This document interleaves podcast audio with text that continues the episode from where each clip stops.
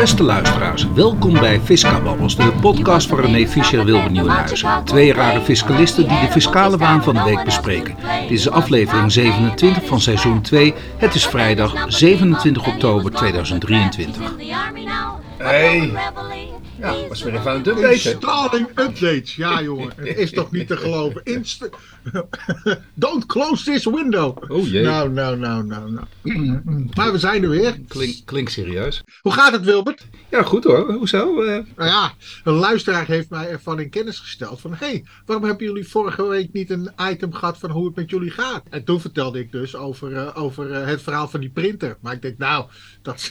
Nee, dat heb ik helemaal uitgeknipt, joh. Ja, Nee, dat joh. Dat, eh, nee, ja, sorry. Eh, het gaat toch over fiscababbels? Het moet, het moet wel een beetje over fiscaliteit zijn, toch? Oké, maar hoe gaat het met je? Ja, met jou gaat het goed, want je ziet er gezond blakend uit. Ja, maar dat, eh, dat zag je afgelopen woensdag ook. Dus, Blakend. nou ja, en het wordt steeds later er op die woensdagavond. ja, dat moet toch wel even wat minder worden. oh, waarom? waarom? Ja, nou, en hij krijgt thuis daar toch wel eh, wat eh, woorden over. Oh, oh, oh.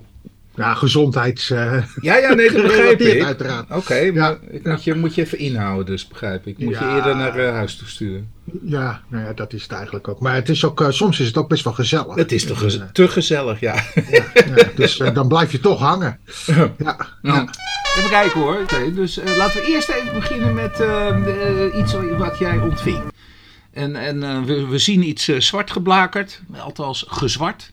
Wordt ook gezegd, hè, van Danny is dit afkomstig, toch? Begrijp ik? De- Danny de Jong, ja, wooncoördinator van de gemeente Horen. Ja, want dit is weer een van onze continuing stories. hè, De parkeerbelasting, waarbij Ja. iemand een parkeergeld niet betaald heeft. althans, Nou ja, wel betaald nee. heeft, maar het wel een betaald. verkeerd nummer ingetypt heeft. Ja, een verkeerd onjuist kenteken. Ja, en dan ben je Eh, tegen in bezwaar gegaan. En, eh, Precies. nou, in het kader van die bezwaarprocedure ben je dus nu eh, het beleid van de gemeente Hoorn om te kijken of ze wel hun, hun beleid hebben aangepast naar aanleiding van de arrest van de Hoge Raad Nou, 2016. nou, eigenlijk ook meer hoe dat beleid eruit ziet. Hè, naar aanleiding van een arrest. Is er in 2016 arrest gewezen over eh, de Navigsaanslag.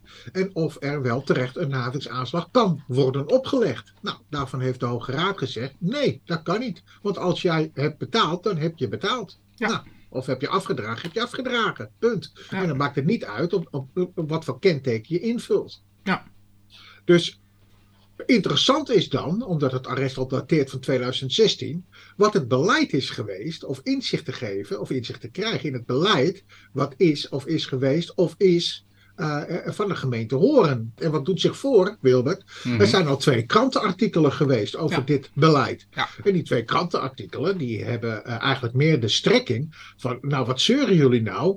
Dat autootje doet hartstikke goed werk. En, dat is, be- en daarmee bedoel ik de scanauto, waardoor Ja, dus wat zeuren jullie nou? Krantenartikeltje waarbij de gemeente wordt geïnterviewd. En de gemeenteambtenaar die zegt, althans een woordvoerder, De woordvoerder. van de gemeente, die zegt, wat zeuren jullie nou? Jullie maken de fout. Ja, precies. En eh, die auto doet hartstikke goed zijn werk. Ja. Ja, ja precies. En, en, en geen woord over dit arrest. Nee. Geen woord. Dus, dus eh, eh, nou ja, vervolgens eh, heb ik een bezwaarschrift ingediend. Eh, ik kreeg een reactie terug. eh, en als motivering werd gegeven. Nou ja, het kenteken wijkt eh, zo weinig af. Uit coulance eh, gaan we eh, met u eh, met eh, akkoord dat de navigsaanslag wordt eh, verminderd. Alleen, ik heb natuurlijk namens die cliënt een, een, be- een bezwaarschrift ingediend. Ja. En vervolgens heb ik toch maar beroep aangetekend, want namelijk er is geen A. proceskostenvergoeding toegekend, maar Mhm. ook.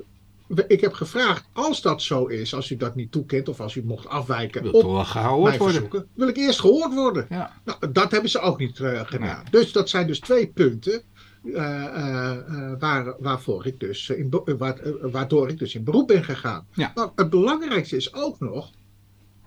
eh, ja, eh, dat vind ik eigenlijk ook. wel- vind ik eigenlijk ook eh, hoe is, ziet dat beleid eruit? Want op het moment dat de gemeente echt wel onrechtmatig heeft gehandeld, oftewel ze hebben bewust, bewust gehandeld, eh, terwijl en, en niet eh, wet en regelgeving hebben gevolgd, ja, dan is natuurlijk de vraag: wat is nou gepast in, eh, voor eh, eh, proceskostenvergoeding? Nou ja, om te beginnen, het is e-mailverkeer naar aanleiding van het arrest. Ja, en, en dat dateert al dat meteen dateert in al- 2016, dus dat, dat, dat gaat wel keurig worden. En Ja. er is er één één, meneer van de gemeente Hoorn, we weten dus niet wie, want dat wordt weggelakt. En die, die stuurt een e-mail op 1 maart 2016. Ja. En, die, en die zegt van, hé, hey, wat wordt nu het Hoornse beleid? Ten aanzien van de parkeercontrole, het risico op verkeerd opgelegde aanslagen. Goeie vraag. Hey, goeie ja, vraag. hele goede vraag. Ik, Ja, ik vond die, hey, die was sterk. dat is de essentie, hè? Dat ja, is de dat is de essentie. Daarna begint een hoop geluk. Nou ja, niet. ehm, eh, Jawel, jawel, zeg het maar. Ja. Nou ja, eh, een hoop slechte reacties. Dus, eh, maar ja, de- de- uiteindelijk komt het op de, op de grootste e-mail terecht. Trouwens, zoveel e-mailverkeer is dit ook weer Nee, niet. hè? het, het beslaat dus het beleid. Be- Ja, maar- eh, beste luisteraars, beslaat dus echt eh, zes reacties. Zes. Even kijken, En- één reactie, twee reactie, drie reactie, vier. vierde Nou, die vier. erop wordt gevolgd. Dan begint het een beetje serieuzer Ja, te worden. eh, En, ja. en de, de desbetreffende meer, m, eh, mevrouw, die maakt een goed onderscheid tussen 1 en 2. Namelijk 1, mag je naamsaanslag opleggen? En 2, wat gebeurt er dan als je hem moet vernietigen? Wat moet je dan doen met de proceskostenvergoeding? Dus dat wordt in goede twee, twee hapjes wordt dat verwerkt. Ja. En het eerste hapje, nou, dat, dat lijkt ook wel goed te zijn, maar dat had die ene ook al geconstateerd. Ja, je mag gewoon geen naamsaanslag opleggen, dus fout, toch? Ja, dat Dus die moet, echt. eh, die moet vernietigd worden. Ja. Nou, de- de- Ja, de- eh, ja, en nou in de wetenschap, Wilbert, dat het nog steeds gebeurt. Hè? Er Ja. wordt dus gezegd, ja, ja. Nee, Maar dus, het wordt nog steeds gebeurd. ja, ja. Het gebeurt nog steeds. Ja. Ze hebben de, het mag niet. Dus, dus eh, eh, eh, de strekking is, dan mag geen naamsaanslag opgelegd worden, punt. Ja? Punt. Nou, ik heb daar toch nog wel een opmerking over. Oh. Er staat, als een parkeerder kan bewijzen of aannemelijk maken dat hij parkeergeld betaald heeft, Ja. dan mag geen navigaanslag opgelegd worden. Nee, als er is afgedragen, mag er geen navigaanslag worden opgelegd. Dat is wat anders, hè? Mhm. Zij zegt van nee, jij moet als belastingplichtige moet jij actie ondernemen. Maar volgens mij is het zo, volgens de hoge, eh, eh, zegt de Hoge Raad, nee, als je hebt afgedragen, sowieso als je hebt afgedragen, hoef jij, mag er geen navigaanslag worden opgelegd. De gemeente had geen naamsaanslag mogen opleggen. Ja, precies. Het is niet zo dat ik als belastingplichtige maar moet aantonen dat ik wat moet doen. Nee, ik Nee. heb betaald. Ja. Want namelijk, er is in de gemeentewet, schijnt er dus geen bepaling te zijn die dat faciliteert. Ja. Dat ik dus een verplichting heb op. Ja, dan kan je van alles in je, eh, eh, je eigen regeltjes eh, opleggen. Van ja, ik zeg dat je dat moet doen. Maar het, daar- weet je wat het vervelende is? Dat, want ook, dat doorkruist het hele beleid natuurlijk. Dan moeten ze gaan werken. Ze moeten gaan Ja. onderzoeken. Nee, ze Ja. moeten gaan onderzoeken of er toch niet ergens al belasting betaald is. Ja, dus we hebben een kenteken, we hebben een naam. En dat van dat kenteken komt in het systeem van die automatiseerder. Ja, want het is allemaal geautomatiseerd, hè? Want het is een groot Ja. verdienmodel natuurlijk voor de gemeente geworden. Ja, en dus eh, wordt er een naamsaanslag opgelegd. Wat ze moeten doen is, maar ja, dan wordt het automatiseringstechnisch onmogelijk natuurlijk voor die lui. Ze kunnen natuurlijk, ze moeten gaan checken of de desbetreffende persoon die bij de auto hoort, of die wel een betaling heeft gedaan. Ja. En Nou, dat hebben ze niet geautomatiseerd, René. En dan een tweede, proceskosten. Ja, dat is natuurlijk helemaal. Dan, dan, vliegt hij, eh, dan vliegt hij helemaal uit de bocht. Althans, dat is mijn mening. Let wel, hè, luisteraars. Dit e-mailtje heeft betrekking op 2016. Er is, daarna is er natuurlijk nog wel het een en ander gebeurd. Wat hebben ze nu gezegd? Nou, de kwestie waar ik naar verwijs, dat is de Hoge Raad uit 2016. Vervolgens sluit deze, dit e-mail af. Het is dus niet nodig een proefproces te beginnen, want tot en met het gerechtshof Amsterdam kunnen we de uitspraak Braamstraat Amsterdam gebruiken. Ja, nou laten we even beginnen. Ik bedoel, dan baseren we ons op de Braamstraat, hè, Amsterdam. Ja, Eh, en de Braamstraat eh, Amsterdam die zegt in 2011, dat was dus nog voor 2016, er is een niet het bestuursorgaan te wij- verwijten onrechtmatigheid. Maar ja, wat heeft nou de Hoge Raad gezegd? Je mag geen naamsaanslag opleggen. En als je dat wel doet, dan is dat toch Ja. onrechtmatig? Ja, en dan blijft dat onrechtmatig. Want namelijk, je had hem niet mogen opleggen. Ja, ik, ik weet geen andere formulering over onrechtmatig hoor. Nee, maar hier had men beter moeten aan nadenken. Kijk, die vraag wordt in het begin echt opgeworpen. Van, hé, hey, dit is wel vervelend. Want, want, eh, en vervolgens, dat is toch echt wel een heldere vraag. En vervolgens stopt het ja, stopt het in 2016 kennelijk op basis van dit mailtje. Want, want we hebben meer informatie gezien. Er is niks anders. Maar in ieder geval is het dus een bewuste actie van de gemeente Horen om in mijn situatie Ja. geen proceskostenvergoeding toe te kennen. Oké, leuk. Maar dat is wel heftig. Wordt hè, eigenlijk. vervolgd. Ja, wordt zeker vervolgd. Wordt vervolgd. Kijk, en, en ja, weet je, wat zullen we gaan doen, hè? Wat zal de beste tactiek zijn, Wilde? Nou ja, eh, en ik hoop dat de gemeente meeluistert, hoor, want dan weten ze het ook gewoon. Kijk, weet je... nee, dan, krijg je die mevrouw van de gemeente Horen weer, die als een kip zonder kop gaat blaten natuurlijk. Van, ja, je kunt er toch niks aan doen. Calimero natuurlijk zal ze Ja, gaan ja, ja, spelen. de gemeente horen, hè, Calimero. Ja, hoeveel... Nou ja, dat is ook niet relevant. Maar, maar en dat krijg je dus, hè, ook, ook hier dus. Hè. En het gekke is, dus kennelijk is dit niet voorgelegd aan eh, college da- en, B- eh, en gemeenteraad. Nee. Dat is niet meer, het is zover. Dus wat nog erger is, Wilbert, is Ja. dat dit blijft steken bij ambtenaren. Ja. Dus Ja. zij leggen. Ja, want ja, die- over die ambtenaren valt toch wel het een en ander te zeggen. Ja. Maar het gaat dus niet naar de uiteindelijk verantwoordelijk. Oké. Lekker hè? Lekker hoor. hey, we gaan eh, door, want eh Ja. Rancière onder nieuwe box 3 is een eh, artikel van Ruben Stam. Ja, kijk, het, eh, het gaat hier eigenlijk om. Waar, wat wij ook hebben, eh, eh, ook al in onze eerdere podcast hebben behandeld. Dat is de administratieve verplichtingen die eigenlijk aan de banken worden opgelegd. In dit artikel gaat men er al van uit dat de vermogensrendementsheffing wordt gesplitst in een vermogensaanwasbelasting en een vermogenswinstbelasting. En, eh, en men, eh, hij heeft het voornamelijk over de ketenpartners. Nooit geweten dat het ketenpartners zijn, maar het is wel een mooi woord, hè? Ketenpartners. En daar worden onder verstaan banken, beleggingsinstellingen en verzekeraars, et cetera. De informatieplichtige dus. De, mensen die informatie informatieplichtige, moeten verstrekken ja. aan de Belastingdienst. Ja, en die moeten dus zo direct ook eh, de vermogensaanwasbelasting en de vermogenswinstbelasting moeten zij gaan ransoneren. Kijk, en het gekke is, eh, nou ja, A, er wordt een bepaalde druk gelegd, maar er worden dus ook kosten gemaakt, Wilbert. Heel veel kosten, nu zo langzamerhand. En de vraag is. Het wordt allemaal neergelegd bij de banken. Dat krijgen Ja, wij allemaal voor in onze mik in de tarieven. Ja, ja dus iemand gaat daarvoor betalen. Ja, en dat zijn wij allemaal. Ja. Kijk, dus, dus wat je ziet hier, dat is dus dat we gaan belasting heffen, maar ga jij maar even zorgen dat je dat administratief in orde hebt. Nu komt het, hè? Hm. Wat gebeurt er nou als je het er niet mee eens bent Hm. met die ransonering? Het is één grote black box ook nog eens een keer. Ja, En we, we krijgen een soort omkering van de bewijslast waar je in een Ja. onmogelijke positie terechtkomt. precies. En, en Ja. dus, dus Nou, dat zie ik in dat artikel niet terug hoor, maar ik geef het je. Ja, Ah nee, maar is. dat zijn mijn eh, vervolgstappen Ja. die ik. maar, maar A, wij betalen de rekening en, en onze rechtspositie gaat naar de knoppen. Precies. Precies. En het gekke is dat ik daar ook niets over teruglees. Hè? Nee. In, in, het ligt nog voor, voor internetconsultatie, maar 20 oktober liep die termijn af. Ja. Nou, ik ben echt wel benieuwd of die conclusie door iemand is getrokken. Nou, dit wordt steeds meer een Kafkaiaanse eh ja, echt waar. Want dat hoor. hele box 3. Wilbert, wij hebben ooit eens een keer voorgesteld, schrap ermee vermogensbelasting invoeren. Ja. Schrap het gewoon. Ja, Weet je, en dan kan je willekeurig tarief kan je toepassen. Ja. Dat lijkt me veel eenvoudiger. ja, dat heb ik nog niet. Bedrijven die vluchten niet massaal de grens over vanwege regelgeving of belastingklimaat.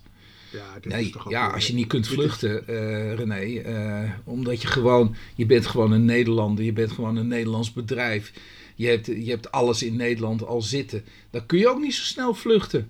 Ja, maar nu gaan we over op de actualiteit, eh, Wilbert. Oh, Ja, en dan komt het, hè? Die 30% regeling. Want wat zegt het, Ja. eh, wat zegt het Buck Consultant International, BCI?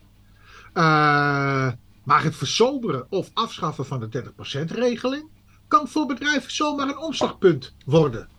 Die van Rij, hebben we ook al gehad over die 30%, hè? die heeft gezegd van nou, wij doen helemaal niets aan die 30% regeling. Dat gaan we niet doen. Want daar gaan we pas over een aantal jaar gaan we evalueren.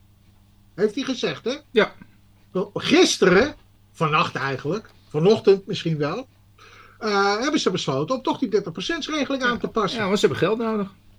Ja, Ze hebben geld nodig om die studieleningrente eh te kunnen financieren. ja. Maar hoe wispelturig is het toch ook, joh, die politiek? Ja. Het, het, het, het is de echte fiscale waan van de dag. Ja. Niet de week, maar de dag. Ja. En, eh, en al- eigenlijk alleen maar om te scoren. Want is het goed dan om van het ene af te, eh, eh, te snoepen ten gunste van de ander? Want namelijk, wat wordt er geruild, Wilbert? De 30%-regeling voor studieleningen. Ja. Dat is het. Ja, ja, dat zei ik toch? Maar wat het gekke is, ze hebben dus dit rapport.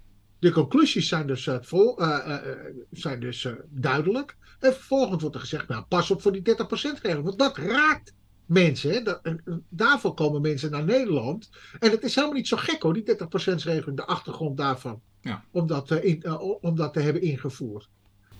Ja, maar even de volgende nog even. Ik bedoel, dan hebben we ze bijna gehad. Ehm, ik, ik zie hier belasting op aandelen inkopen is geen koehandel. Dat is Ja. een, eh, een, een, een, eh, een, eh, een, een, een verslag van, van datgene wat Arna Boten en Dirk Schoenmaker hebben eh, geschreven. Precies. Vertel. Precies. Nou, in het kort komt het erop neer dat zij voornamelijk ook de economisch-financiële kanten benaderen hè, van, Mhm. eh, van, van dat verhaal. Dus wat is het plan? Het plan is om op inkopen voor NV's, dus eh, eh, waar de aandelen niet op naam staan, om, bij inkoop van aandelen het gelijk te trekken met eh, a- als het ware het een dividenduitkering. Ja. Dus eh, het kapitaal wat toevloeit aan de aandeelhouders moet dus als het ware hetzelfde worden belast. En eh, in het jaar 2000, dat, daar schijnt het van afkomstig te zijn, hebben ze ooit eens bedacht van, nou ja, het is eigenlijk, eh, eigenlijk kon het geen stand houden dat op inkoop van, eigen, eh, van eh, inkopen van aandelen, van eigen aandelen, dat het belast zou worden met uh, dividendbelasting. Dat hebben ze toen al bedacht. Maar nu draaien ze dat terug. En de vraag is natuurlijk ook, ook in financiële zin, ja, wa- waar- waarom ga je dat nou ineens doen? En waar hij dus ook voor pleit, is je kan dat niet over één weekje tillen. Daar moet je gewoon gedegen onderzoek naar doen. Ja. En dat wordt weer, ja, en gedegen onderzoek wil niet zeggen allemaal rapporten of zo. Maar je moet daar goed over nadenken en goed over eh, debatteren. Ja. Hè, dat- en waarom je iets doet. Maar nu is het gewoon, ja, eh, we hebben geld nodig. Eh, we halen alles uit de kast. En je kri- krijgt dus, en dat zie ik ook wel gebeuren, onevenwichtige wetgeving, wil het. Ja, En die onevenwichtigheid, die staat hierin, wat, wat hier dus ook niet wordt genoemd. Hoe verhoudt dat zich tot internationale regelgeving? Ja. En bevoordeel je nou niet buitenlandse bedrijven ten opzichte van Nederlandse bedrijven? Ja. Ga je dat niet doen? Ja. En hoe kijkt Europa daar tegenaan? Nou, kijk, eh, eh, helemaal op het slot zeggen ze wel wat over het buitenland natuurlijk. Ze maken ook die vergelijking met toen die dividendbelasting, eh, afschaffing die eh, Mark Rutte toen voorstelde. Van, ja, daar had ook veel beter over gediscussieerd moeten worden. Eh, ook hier nadrukkelijke redenen waar hier complexiteit en de keuzes in andere landen. Ja. En daar ligt dan ook de sleutel voor de oplossing. Evalueer dit. Nou, dat is politiek ingestoken omdat de verkiezingen eraan komen. Ja, Ja, iets maar- anders kan ik niet verzinnen hoor. Maar je gaat heel veel kapot maken. Het wordt, Ja. het wordt vele malen complexer, alles wat, wat, wat, wat nu plaatsvindt. En het helpt geen zier. En dat is het erge nog. Nou, volgende. Nou, de laatste, even op, op, Ja. op het eh, niet-uitspraakgebied. justitie seponeert strafzaak tegen DJ-duo WMW. Nou had ik nog van WMW had ik nooit gehoord, maar het blijkt van Willem niet. van Hanegem junior te zijn. Dat wist ik ook Ja. niet. Dus Willem van, van. ja, Willem van Hanegem junior zoon en Wart van der Harst. En dat zijn WMW. En die hebben blijkbaar een strafrechtelijk onderzoek naar belastingfraude aan hun broek gehad. Dat wist ik ook niet. En, eh, maar de DJ's die hebben nu erkend jarenlang onjuiste belastingaangifte te hebben gedaan. Door te stellen dat ze niet in Nederland woonden. Ja, dat Ja. mag niet. Nee, Ja. dat mag niet. Maar Nee. De vraag is, Zij worden Het geseponeerd. ja, Ja. zij worden geseponeerd. Ja. En, en, en, en nu wordt er hier zo. Zij kwamen vijf jaar geleden in beeld bij een strafrechtelijk onderzoek naar hun belastingadviseur Frank Butselaar. En Ook wel, ook wel de fiscalist van de ster genoemd. En Butselaar die zelf werd de afgelopen maand uitgeleverd aan de Verenigde Staten. Wat is het verschil tussen een fiscaal dispuut Ja. en dat het strafrechtelijk moet worden vervolgd? Ja. En ook nog eens een keer met deze gevolgen. Hè? Ja. Want die belastingadviseur, kijk weet je, eh, je kan zeggen wat je wil, maar ik, ik ben er toch wel huiverig voor. Hoor. In, de zin van dat je dus, door, doordat je een advies geeft, eh, en misschien wordt het advies niet goed opgevolgd, ik, ik noem maar wat. Als ik tegen jou zeg, Wilbert, joh, weet je, als je, je kan je belast, eh, als je daar woont, hoef je minder belasting te betalen. Ja. Oké, dan ga ik daar toch wonen? Ja. Nou, dan doe je dat. Ja. Nou, vervolgens zeg je, zeg je dat je daar woont, maar je gaat daar niet wonen. Hè? Ja. Want dat is, eh, dat is eigenlijk in de kern is dat een vraag. Ja. Nou, maar dan is dat advies toch niet onjuist? Nee. Alleen, je hebt het niet goed opgevolgd. Ja. Hè? Kijk, en nu weet ik het dossier natuurlijk niet. Maar als je het plat slaat, is dat eigenlijk wat er speelt. Ja, we- aan wie ligt dat dan? Ligt het dan aan eh, de, de belastingadviseur of aan de belastingplichtige? Of heb je dan nog een soort van nazorg? Moet de belastingadviseur zo direct ook nog een eet afleggen of zo? Dat je dus al die mensen moet gaan volgen en aan de hand meenemen. En dan zeggen van, nee, je mag, vandaag mag je niet naar Nederland komen, want anders... Ik, ik ga even naar deze. Geen rechtsmiddelen tegen afwijzing van per brief ingediend verzoek om teruggaan van BTW. Het gaat om een uitspraak van het Hof den Bosch. Het is een uitspraak van 9 augustus 2023, zaaknummertje 210111, dus drie keer een 1 en dan een 9. En het gaat om een, een, een X en die heeft een overeenkomst gesloten met de gemeente. Eh, en een onderwijsstichting om een basisschool en een dorpshuis te realiseren en te exploiteren. Dus wij gaan bouwen en we gaan ook het dorpshuis en de basisschool exploiteren. Dus het, het gebouw aan zich. En X die reikt facturen uit met BTW aan de gemeente. Nou, dan zou je zeggen, hey, X, je bent dus ondernemer. Je bent zelf al bezig met BTW-belaste activiteiten. Je meldt je aan bij de Belastingdienst. Je, stuurt, uh, uh, je krijgt keurig een aangifteplicht, krijg je in je mik toch? En dan doe je keurig je aangifte, moet je indienen. Als je dat niet doet, nou, dan gaat er een alarmbelletje bij de Belastingdienst rinkelen natuurlijk. Van, hé, hey, dat klopt niet, toch? Ja. X reikt facturen met BTW uit, maar kort voor de oplevering gaat X failliet. Oh ja. Dus wat gebeurt er? Later, X crediteert de eerder uitgereikte facturen aan de gemeente. Nou, maar hoe kan dat dan? Nou, uh, dan moet er dus blijkbaar een curator zijn. Precies. Toch? Want ik bedoel, je, wordt, je gaat failliet. Dat betekent dus dat er een curator moet zijn. En die moet dan namens X dan facturen gaan uitreiken. Lijkt mij. En vraagt het bruto bedrag als onbelaste investeringssubsidie aan. Oké. Okay. Dus ze zeggen van, uh, oké, okay, die facturen uh, die hoeven niet te betalen, maar we willen wel een investeringssubsidie. Oké. Okay. Ik, ik, ik vraag me dan altijd af hoor, je bent in faillissement gesteld, toch? Dat gaat failliet, ja. Ja. X dient een verzoek om teruggave in van de in rekening gebrachte BTW. Dus ze hebben eerder BTW in rekening gebracht. Nou, die hebben ze dan ook op aangifte hebben ze die dan voldaan. Je crediteert dat dan nu en ze vragen die BTW terug. En nu komt het, Belastingdienst wijst het af. En ook een bezwaar wordt afgewezen.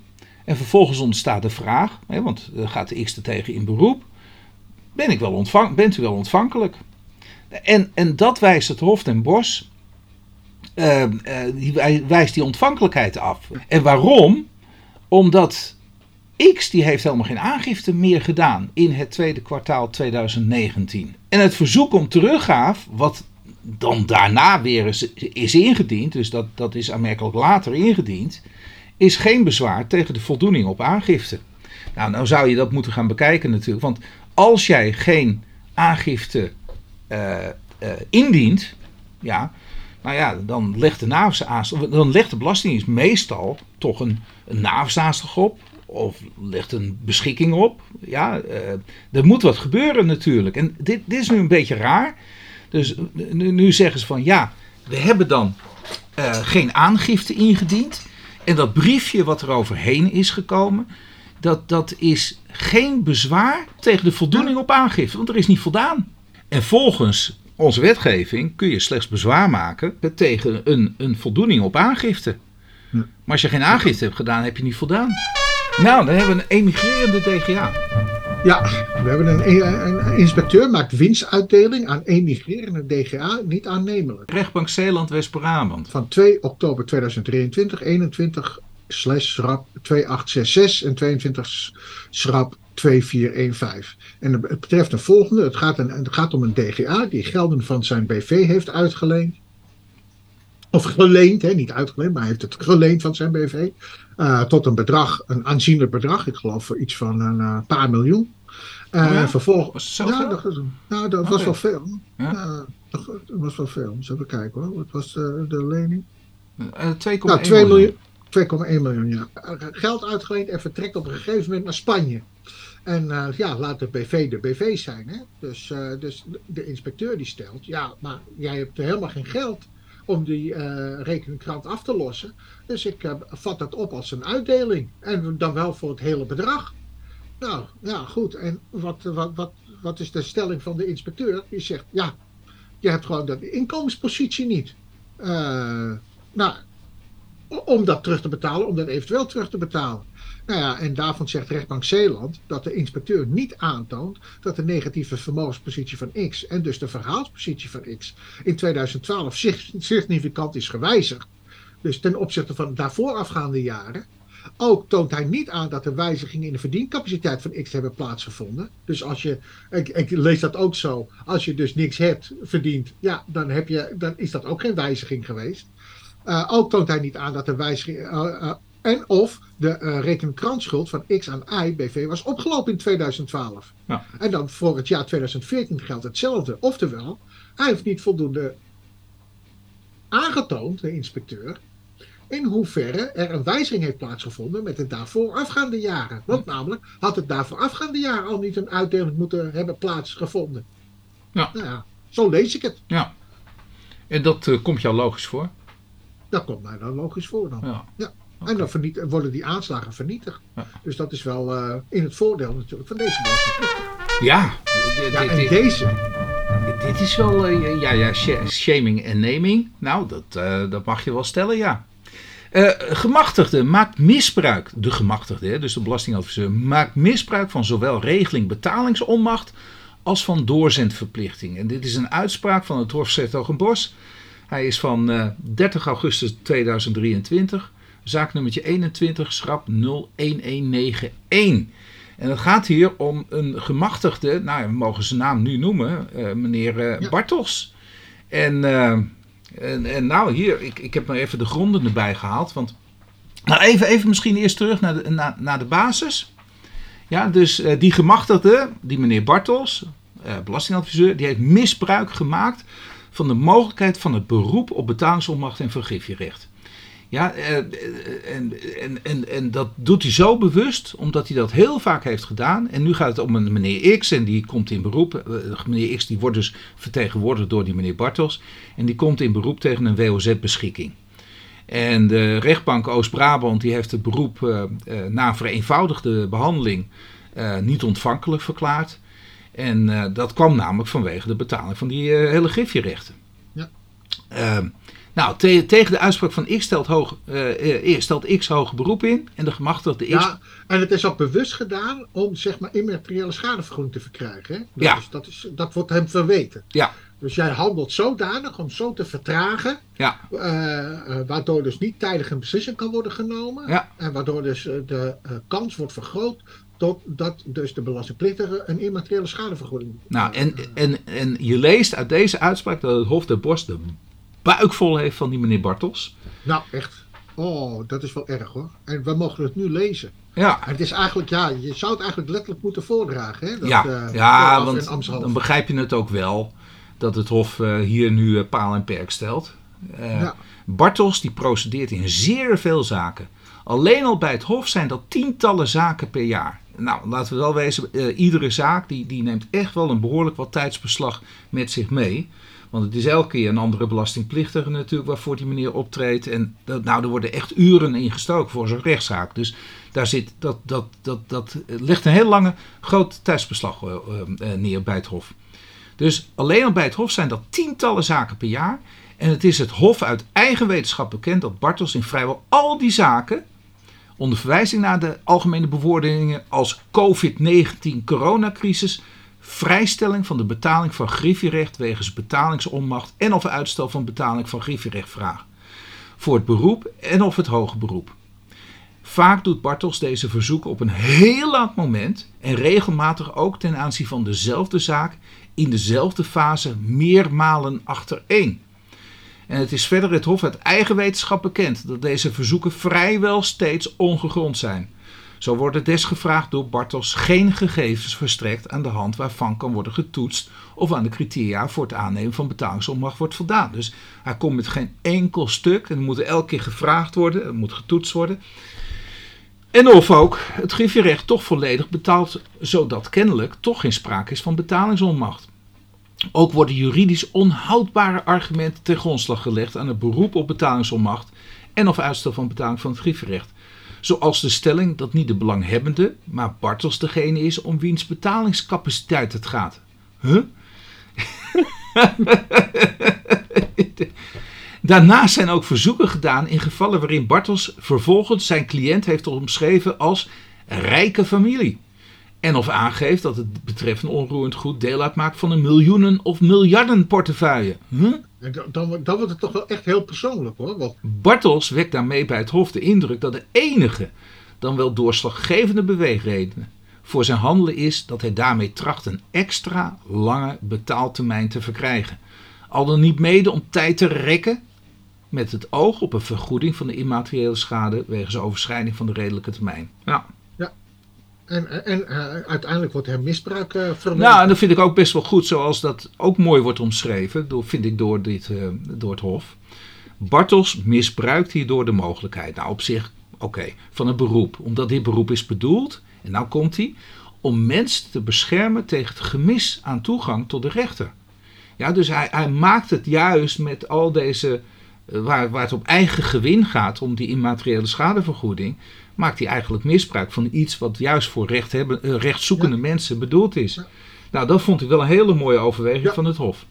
He, tegen gemis aan toegang tot de rechter doordat het inkomen van de rechtszoekende lager is dan de bijstandsgrens en het vermogen ontoereikend is om daaruit het verschuldigd griffierecht te kunnen betalen.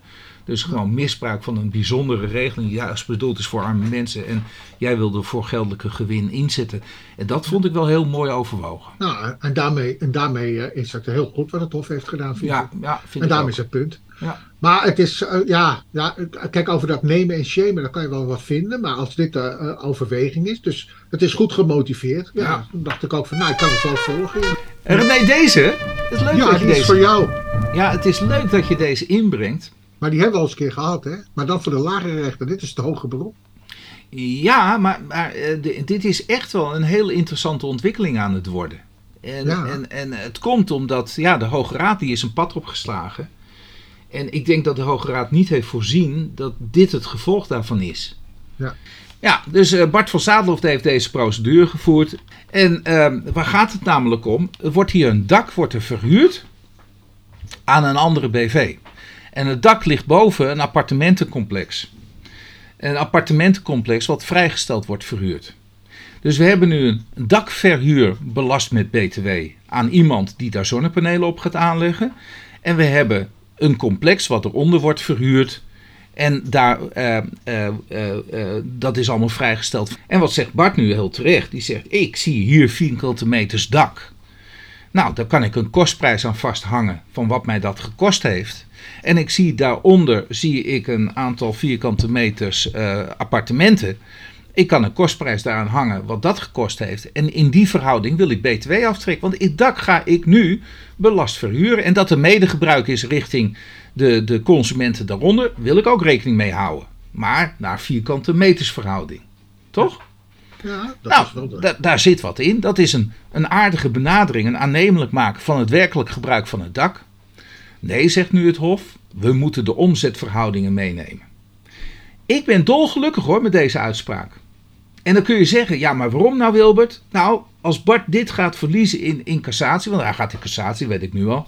Ja? Nou, nou gaan we iets doen. Stel je nu voor, jij bouwt een gebouw.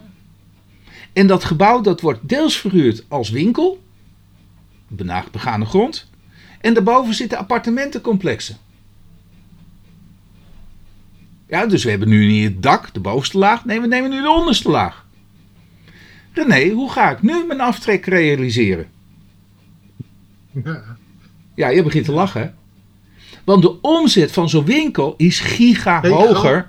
Dan de omzet van uh, die appartementen. Ja. Dus wat Bart via een achterdeur hier gaat binnenhalen, is enorm voor de markt.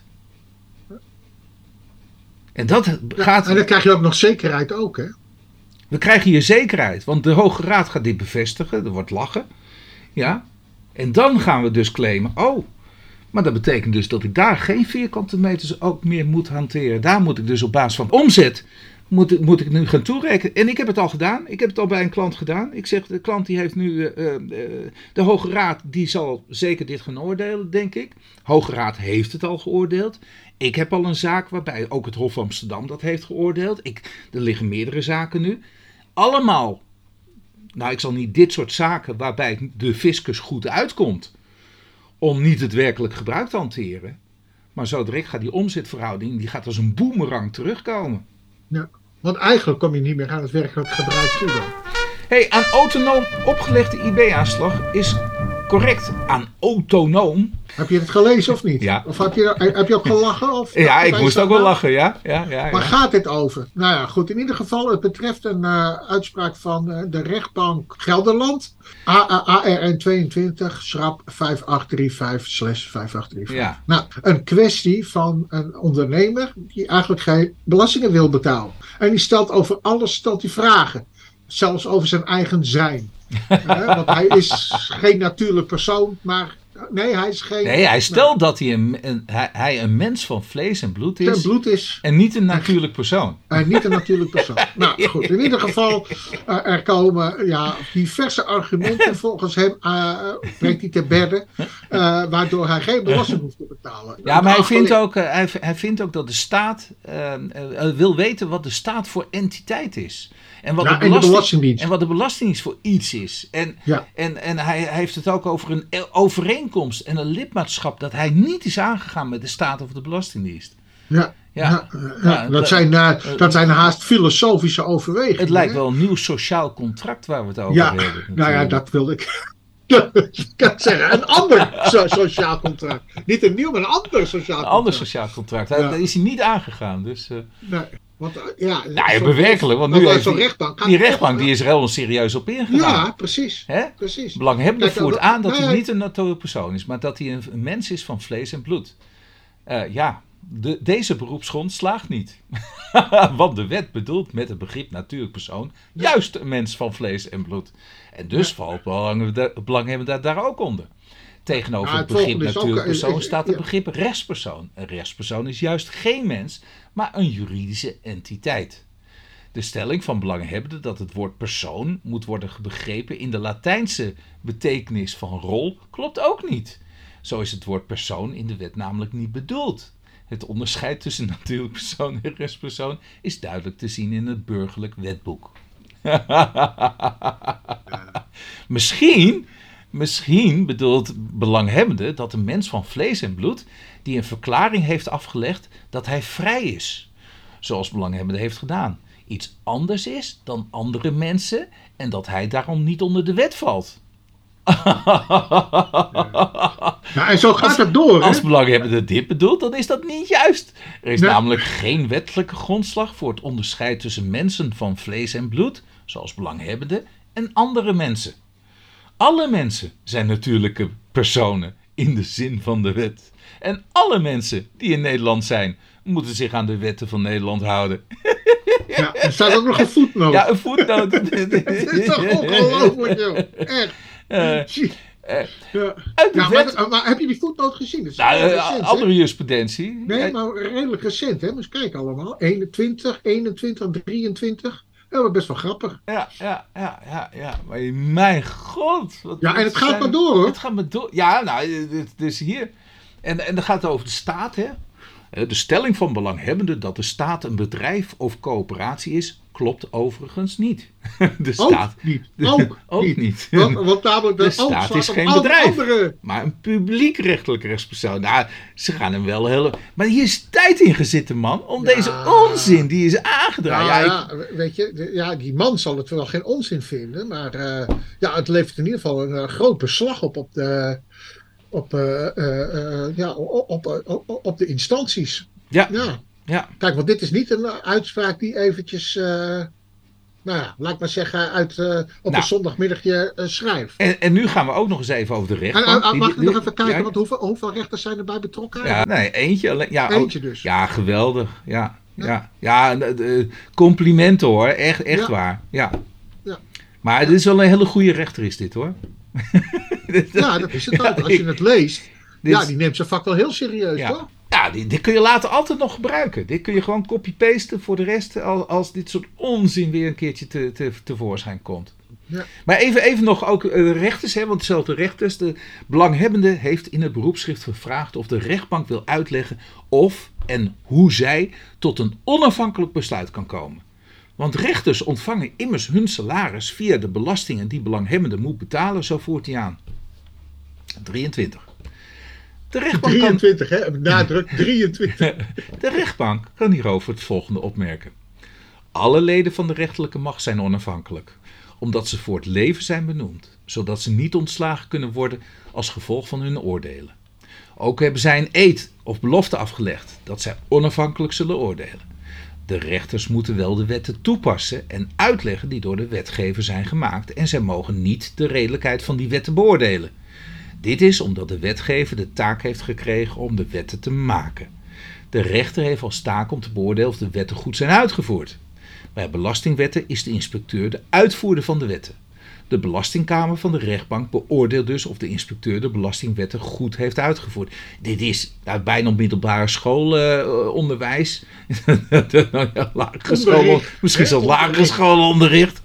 Geweldig. Ja, maar dit is wel heel mooi. I- Ja. Is het omschreven. Dus even complimenten weer richting de rechtbank. 6 oktober 2023. A- Arn 22 schrap 5835. Mooi, mooi pro. Noemde jij het niet proza? Het was, Ja, eh, ik noemde het proza, ja. Ja, dit is- ja als, je, als, je, als je 23 overwegingen nodig hebt, ja, dan, wil dat, dan neem je het echt wel serieus. Ja, belastingrente van 4% niet buitensporig hoog. En dat is ook weer de rechtbank Gelderland, maar nu een meervoudige kamer. En het is de, de- een uitspraak van de rechtbank Gelderland van 9 oktober 2023. Arn Ja, dus, 22 schrap 2910. Ja. Nou ja, en ja, eh, 4% maar ja, waar gaat het hier om? Ja, Ja, niet, ah. niet, eh, eigenlijk niet zozeer om die 4% belastingrente van nu. Maar wat, Ah. wat eraan zit te komen. Ja. Kijk, want, want hier wordt gezegd, het is niet te hoog. De belastingrente is weliswaar hoger dan de rente op de kapitaalmarkt. Ja. Maar de belastingrente is niet gerelateerd aan de rente op de kapitaalmarkt, maar aan de herfinancieringsrente van de ECB met een opslag. Ja. Ja, de- en dat wordt nu erg hoog hoor, in eh, 2000. eh, Ja. Ja, en nu vraag ik me af, wa- wa- wanneer is het dan wel te hoog? Ja. Want die opslag is natuurlijk, eh, is natuurlijk nu de hoogte ongeveer van eh, eh, de belastingrente. Dat is al de opslag. Ja. Ja, nou ja.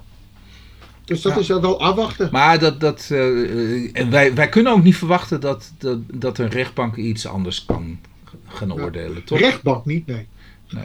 Maar het wordt wel wat eh, precairder bij het Hof. Ja. En zeker bij de Hoge Raad. Ja, Ja. ja zeker. Nou, dan eh, fiscale neutraliteitszaken met motiveringsgebreken, minder aannames graag. Artikel van Ruben Dirks en die is ook medewerker vakstudienieuws. Ja, Ja. René, eh, kijk, eh, ik kan moeilijk zeggen dat het natuurlijk een slecht artikel is, een slechte column is, toch? Is Je wordt erin genoemd. Ja, Daarom, eh, ja, je wordt erin genoemd. Je wordt aangehaald. ik, Ja, zal ik even voor de luisteraars toch even de zin oplezen? Ja, dat, dat moet toch wel even. Oh, voor ons wacht, even. Maar eerst even gaan. Waar, waar, gaat, gaat het, eigenlijk over? Eh, het, het, het, hebben we hier ook al in de podcast een keer behandeld. Ja, over een, veelvuldig hoor. en en, en eh, over, ik heb daar zelfs een plaatje bij van een jeukende, eh, een krabbende mevrouw met, met haar achterrug waarop gekrabt wordt. Misschien was het wel een meneer, weet ik ook niet eens meer. Maar het gaat over een jeukzalfje. En een jeukzalfje, wat dus niet onder de handelsvergunning van de geneesmiddelenwet viel, eh, wordt dus belast tegen 21%. Terwijl een ander jeukzalfje, wat wel onder de handelsvergunning valt, eh, tegen het lage btw-tarief mag worden geleverd. Ja, dus Nou. het, het gaat hem om het handelsvergunning. Ja, eh, dat is een wetswijziging geweest als gevolg van de tandpasta-uitspraken van de Hoge Raad. Ja. En toen heeft de wetgever, die heeft vervolgens naar aanleiding van dat arrest eh, de wet weer aangepast. En vervolgens is er wordt doorgeprocedeerd. En, en eh, van mag dat nou wel, die handelsvergunning, dan zo, zo essentieel onderdeel zijn dat het tot een ander oordeel leidt. Eh, dat komt bij de Hoge Raad en die zegt ja, dat kan. Eh, de, de, de Hoge Raad die zegt, ja, ik kijk naar de jurisprudentie van het Hof van Justitie. Ik moet gaan kijken of de gemiddelde, de modale consument, hè, of die een verschil ziet tussen de beide eh, producten. En dan zegt de Hoge Raad, en die doet daar een, een belangrijke toevoeging uh, doet hier aan toe. Dat moet wel zijn iemand die meer is dan de gemiddelde consument die zich maar oppervlakkig informeert. Nee, hij moet zich wel heel goed laten informeren. Oh ja. dus dus die, die doet er een schepje bovenop. Met andere woorden, je moet wel toch min of meer een deskundige consument krijgen. Ja? ja? Nou, en, en, en daar gaat nu eigenlijk deze opinie op die, die, die maakt, uh, de, de, nou, dat zegt hij ook alweer, de motiveer maakt die kwetsbaar. Want ja, uh, dan moet je eigenlijk een, een deskundige onderzoek moet je, uh, gaan uitvoeren. want dan komt het wel in feite op neer. Terwijl je eigenlijk een beetje zou mogen zeggen dat in eerdere jurisprudentie het toch wel, wel iets, iets minder, minder is dan, dan gezegd wordt. En, maar hij haalt mijn artikel aan natuurlijk. En die zegt, ja, je mag, je mag een deskundige mag je introduceren.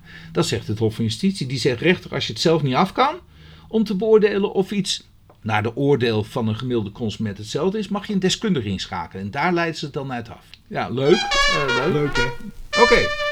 Nou, aan bankbetaalde borst. Ja, het is ook zo goed. Als negatief ROE, resultaat uit overige werkzaamheden bij zakelijke ja. borststelling zeker. Nou, dat is een Hof Amsterdam uitspraak van uh, 16 mei 2023, 22 schap 00062. Ja, oké. Nou, vertel maar. Nou, het, is dus een, uh, het gaat dus om een, borrelstelling. In het kort komt het erop neer. Uh, stel, ik heb een BV. ik wil geld lenen bij een bank voor de BV dat wordt geaccordeerd. Ik leg allemaal plannen voor, voor vooruitzicht en dergelijke. Uh, en de bank zegt, uh, nou prima, ik ga, wil wel financieren in die BV, maar uh, jij als aandeelhouder moet daarvoor borg staan. Dat is in de kern waar, waar het om gaat. Ja. Hè? en vervolgens gaat het slecht met die BV, in tegenstelling tot de prognoses, en gaat die ten failliet. Ja. Nou, en vervolgens word je aangesproken, ja. maar oh, oh, oh, ik heb geen aan de BV een zakelijke uh, uh, vergoeding gevraagd voor mijn borgstelling. Mm. Althans, volgens de Belastingdienst. Ik heb dat niet gedaan. Ik heb mm. gewoon gehandeld en gezegd van joh, die BV heeft het nodig. En, en, en daarvoor stel ik mijzelf daarvoor hoofdelijk aansprakelijk. Ja. Nou, wat, wat, is dan de, wat, wat is dan meestal de uitleg van de Belastingdienst, van de, van de inspecteur ook in deze, van ja, omdat je dat niet hebt afgesproken, heb je niet zakelijk gehandeld, dus is die uh, borgstelling niet uh, zakelijk aangegaan, maar vanuit aandeelhoudersmotieven. Mm Begrijp je hem? Ja. Nou, en uh, dat is natuurlijk raar, want dan is natuurlijk de vraag, zou een willekeurige derde dat ook hebben gedaan? Ja. Hè? Nou goed, en wat zegt hier uh, het Hof? Die zegt nou, bij het aangaan van die lening lagen de feiten zo in elkaar dat eigenlijk elke willekeurige derde die lening zou hebben aangegaan. Dus het maakt helemaal niet uit of je dan wel of niet een vergoeding of iets dergelijks, dat is dan van ondergeschikt belang. Mm Het gaat erom op het tijdstip van aangaan van die lening, in hoeverre, in hoeverre ook een ander zoiets zou zijn aangegaan. Ja. ja, daarmee wordt het dus ook zakelijk. En dan hoef je ook niet meer uh, die toets aan te leggen of het een aandeelhouders uh, uh, of die leningen met aandeelhoudersmotieven ja. zijn aangegaan. Ja. Nou ja, goed. En Hof vind ik dat die, die heel juist heeft geoordeeld. Want die, die discussie over die borststelling. Kijk, ik zou je die borststellingprovisie. Net alsof dat het enige zou zijn waarom het zou draaien. En als je dat vergeet. Hè, dat dan ineens die lening of die borststelling niet ten laste van uh, als, als ro in aanmerking zou kunnen worden genomen. Ja. Nou, dat vind ik gewoon echt kwalijk. Hey, je had er nog een eentje ingestuurd, maar omwille van de tijd slaan we die over. We gaan hier gewoon een einde aan maken. Het is genoeg. Want uh, het is wel genoeg zo, ja. Wat vond je er weer? Ja, ik vond vooral de politiek. Dat, dat, die, dat, dat gaat bij mij uh, ja, dat gaat... perken te buiten. Dus die Machiavelli, die heeft toch wel, een, uh, heeft toch wel iets, die heeft hier wel iets van doen. Ja. Want eigenlijk het doel heiligt de middelen. Maakt ja. niet uit. Al, ja. Ik krijg wat ik hebben wil. Ja. Ten koste van iemand anders. En zo is het meestal wel. Hè? Want de overheid is voor het herverdelen, uiteraard. Je, je, kan je euro maar één keer uitgeven. Maar je, je moet wel de recht, je beginselen van je, uh, je rechtsbeginsel moet je wel uh, in acht nemen, vind ik. Nou, hey, ja, het was mijn weekje wel. Nou, Ik ga weer in de auto en dan ga ik eh, proberen de WAHV niet eh, eh, van, van toepassing te laten zijn. Nee, want ik kan voor jou geen Ik, ga met mijn, beroep aantekenen. Ik ga met mijn benzineauto ga ik rijden naar het, het, Ja, zo moet je het verdienen. het, het belastingparadijs België. Ja. Waar ik per liter benzine nu 1,62 eh, zal gaan betalen. Dus ik, ik, ik moet nog even bijtanken om aan de grens te kunnen komen. En dan gooi ik mijn tank daar weer vol. Ja, dat scheelt dan toch weer 40 cent per liter, toch? Ja, zeker. Ja. 40 cent, jongen. Het is toch niet Ja, toch? Want hoe- hoeveel is een liter twee- eh, twee. euro zit er nu op 2? Ja, 1,62 betaal ik in België. Het is verschrikkelijk. Ja. Ja. Maar goed, eh, elk nadeel heeft zijn voordeel. hey, eh, we zien elkaar volgende man. week weer. Tot volgende week. Oké, hoi. bye bye. Nou, dan ga ik weer zwaaien. Ja, maar dat is toch ook leuk? Dag, nee. Was a famous trumpet man from out Chicago.